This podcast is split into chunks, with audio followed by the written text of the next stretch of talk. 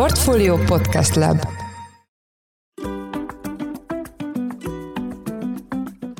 Sziasztok! Ez a Portfolio Business Podcast új adása. Én Gomkötő Elme vagyok, a Portfolio Podcast Lab szerkesztője. Mai témánk szerteágazó, egyebek mellett szó lesz arról, hogy milyen szerepe van öltözékünknek az üzleti életben, mit árul el személyiségünkről, illetve hogy mit érdemes és mit nem érdemes felvenni egy tárgyalásra. A témával kapcsolatban vendégünk Frank Patricia, stylist, személyi stylist, stílus és színtanácsadó, aki többek között az RTL Klub és a Hír TV vezető stylistjaként is dolgozott. Szia Patricia, üdvözöllek az adásban. Szia, én is üdvözöllek téged és a hallgatókat is. Első kérdésem egy teljesen egyszerű és általános kérdés, mégpedig az, hogy miért fontos, hogy milyen ruha van rajtunk, és ez hogyan függ össze azzal, hogy milyen a személyiségünk, egyéniségünk. Egyrészt mindenképpen szorosan összefügg, másrészt pedig óriási jelentősége van, hiszen hogyha így belegondolunk, hogyha belépünk valahova, meg se kell szólalnunk, már egyfajta véleményt váltunk ki az ott lévőkből, azért mert kommunikálunk magunkról az öltözékünkkel, anélkül, hogy megszólalnánk. Tehát ugye az első pár másodperc a véleményezésben az iszonyú fontos, hogy mi mit sugárzunk magunkról, és ennek a legalapvetőbb megjelenési formája az, hogy mi magunk hogy nézünk ki. A bevezetőben már említettem, hogy stylist és stílus szintanácsadó is vagy egyben, de mi a különbség közöttük, és mennyire terjedt el igénybevételük Magyarországon? Tehát a stylist az ugye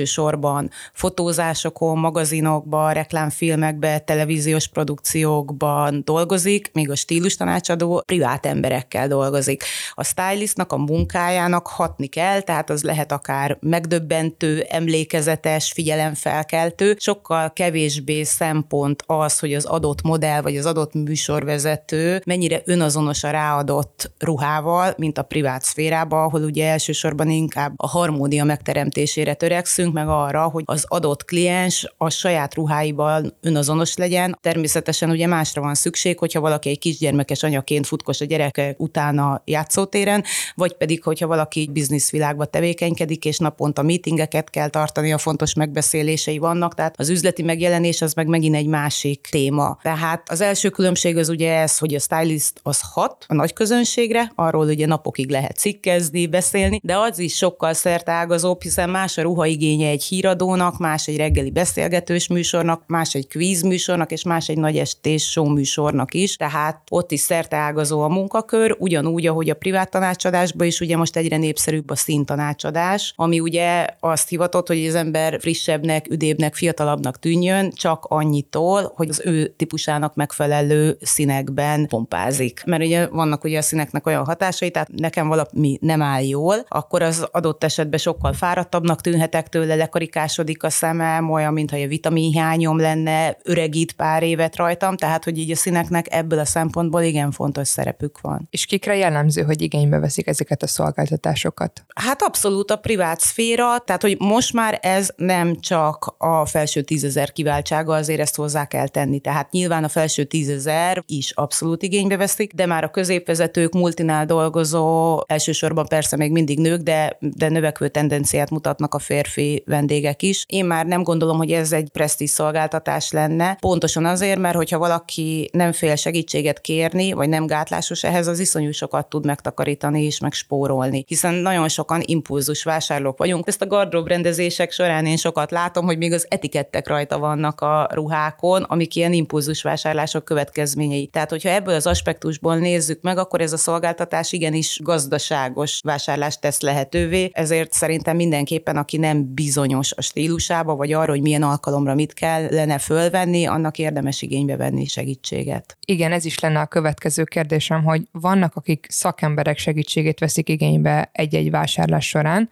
ami elsőre nem tűnik észszerűnek, hiszen a ruhákon kívül még egy plusz szolgáltatásért is fizetni kell, de akkor mégis miért tartják úgy, hogy jobban járunk, a szakemberrel megyünk vásárolni? Egyrészt nagyon sokan bizonytalanok, tehát azért az elvitathatatlan, hogy óriási árudömping áll a rendelkezésünkre, most, hogyha csak a fast fashion üzletekről beszélünk, akkor is. De nem feltétlenül kell tudni, hogy mi áll jól. Mi áll jól az alkatához, most öt fehéringből most melyik az, ami így nekem így a legelőnyösebb lesz, és ezt egy szakavatott szem ezt abszolút meg tudja mondani. A másik kérdés, hogy én mindig azt szoktam mondani, hogy ezt úgy kell felfogni. Általában mindenki rutinból vásárol és rutinból öltözködik, tehát hogy megmondom, hogy így mit veszek föl, reggelente mit, mivel szoktam fölvenni, tehát elkezdik az emberek unni a ruháikat, mert nem tudják új köntösbe látni őket. És egy vásárlás során, amit általában azért megelőz egy gardróbrendezés, meg egy tanácsadás, mindig azt szoktam mondani, hogy fogja föl úgy a kliens ezt, mint egy kísérletezés. Tehát én a kezébe adom, ő a próbafülkébe fölpróbálja, és esetleg azt mondja, hogy hoppá, én erre nem nyúltam volna rá, de mégis jó. Nem kötelező azt megvenni, mert nyilván a végső döntést mindig ő hozza meg, hogy mit fog kifizetni a kasszánál. És azért a megjelenés azért iszonyúan felértékelődött így az utóbbi években, és ez nyilván a social médiának is köszönhető. Te is már említetted korábban az üzleti szereplőknek az öltözködését. Hogyha őket nézzük, akkor te hogy látod, milyen az üzleti életben dolgozóknak a megjelenése, és mi lenne az ideális, vagy miben kellene változtatniuk? Hát a business looknak megvannak így bizonyos írott és íratlan szabályai. Hát ezeket felsorolni most nagyon hosszú lenne, de itt is megvannak, hogy milyen színek azok, amiket érdemes hordani, mert az a hitelességet növeli. És melyik ez a bizonyos hiteles szín? Hát a kék. A kékek az egyértelműen a hiteles színek. Vannak olyan színek, amiket érdemes például elkerülni mondjuk nőknél, a piros, mert az egy ilyen túlzott szexualitást sugal. Tehát azért ott vannak olyan szigorú szabályok, meddig érjen a szoknya,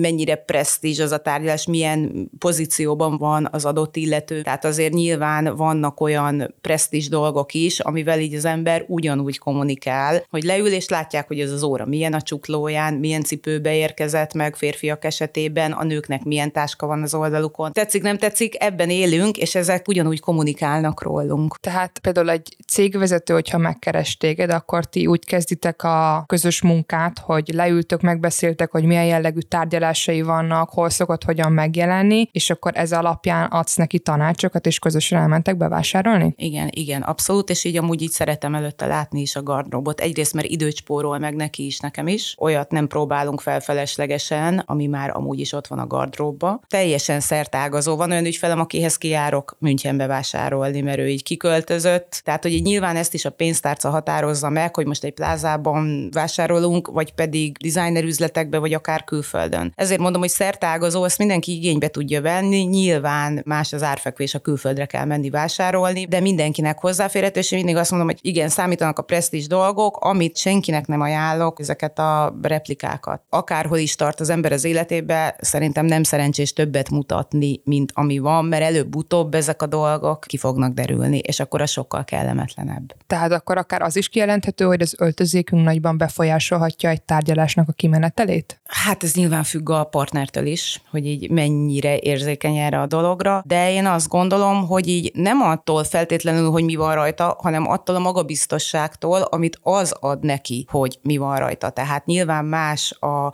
megjelenésem, nyilván más a kisugárzásom, ha én tudom, hogy tökéletesen vagyok fölöltözve, és abszolút a business look követelményeinek ez megfelel. Tehát inkább ez szerintem a magabiztosság terén nagyon sokat számít, hogy tökéletes legyen a megjelenésünk. Azt gondolom, hogy a jelen gazdasági helyzetben mindenki ott próbál spórolni, megtakarítani, ahol csak tud. Ha például a stílus és szintanácsadást nézzük, akkor te hogy érzékeled, kevesebben veszik igénybe az ilyen jellegű szolgáltatásokat? Még annyira talán nem érezhető, a tudatosság viszont sokkal jobban érezhető, aminek én nagyon örülök, mert nekem az alaptémám az alapruhatár. Tehát, hogy én annak vagyok a híve, hogy az alapruhatár legyen tökéletesen felépítve, ott ne hiányozzon semmi. Hogyha az megvan, és az jól van összerakva, akkor körülbelül két héten keresztül tud az ember úgy felöltözni, hogy így senki nem fog rájönni, hogy adott darab esetleg két alkalommal is rajta van. És az alapruhatár is annyiban érdekes, hogy azt is mindenkinek a saját életviteléhez alakítjuk ki. Tehát ez a saját életvitel, ez iszonyatosan fontos az előbb említett példa miatt is, mert nem ugyanarra van szüksége egy cégvezetőnek, nem ugyanarra van szüksége egy ingatlanosnak, aki egész nap jön, megy, lakásokat mutogat, nem ugyanarra van szüksége egy kismamának, aki otthon van, tehát mindenkinek a saját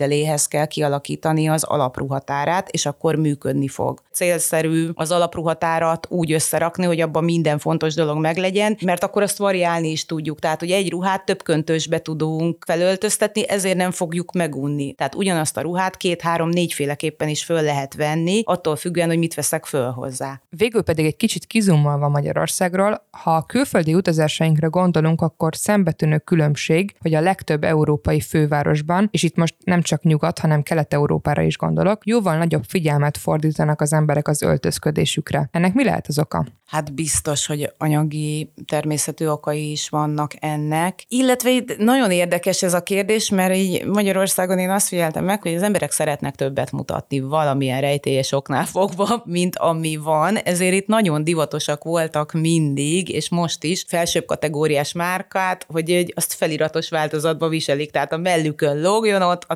táska az logózott legyen. Nem vagyok meggyőződve arról, hogy az jobban tetszik neki, mint ugyanattól a tervezőtől egy olyan, amin esetleg nincs ott a márkajelzés, hanem ez inkább a külvilágnak szól, lássátok nekem ilyen van. Ez egy ilyen jó magyar szokás, ez szerintem nagyon nehezen fog innen kikopni. Azt azért hozzá kell tegyem, hogy az igazán gazdag, vagy az igazán tehetős embereknél már ez nincs. Ez azoknál van, akik így mutatni szeretnének. Hát köszönjük szépen az elmúlt percekben Frank Patricia stylist, személyi stylist, stílus és szintanácsadó volt a vendégünk. Köszönjük Patricia, hogy itt voltál velünk. Én köszönöm, hogy itt lehet lehettem. Ez volt a Portfolio Business podcastje. Hogyha tetszett az adás, akkor iratkozzatok fel a Portfolio Podcast csatornáira. Új adással hamarosan jelentkezünk. Addig is minden jót. Sziasztok!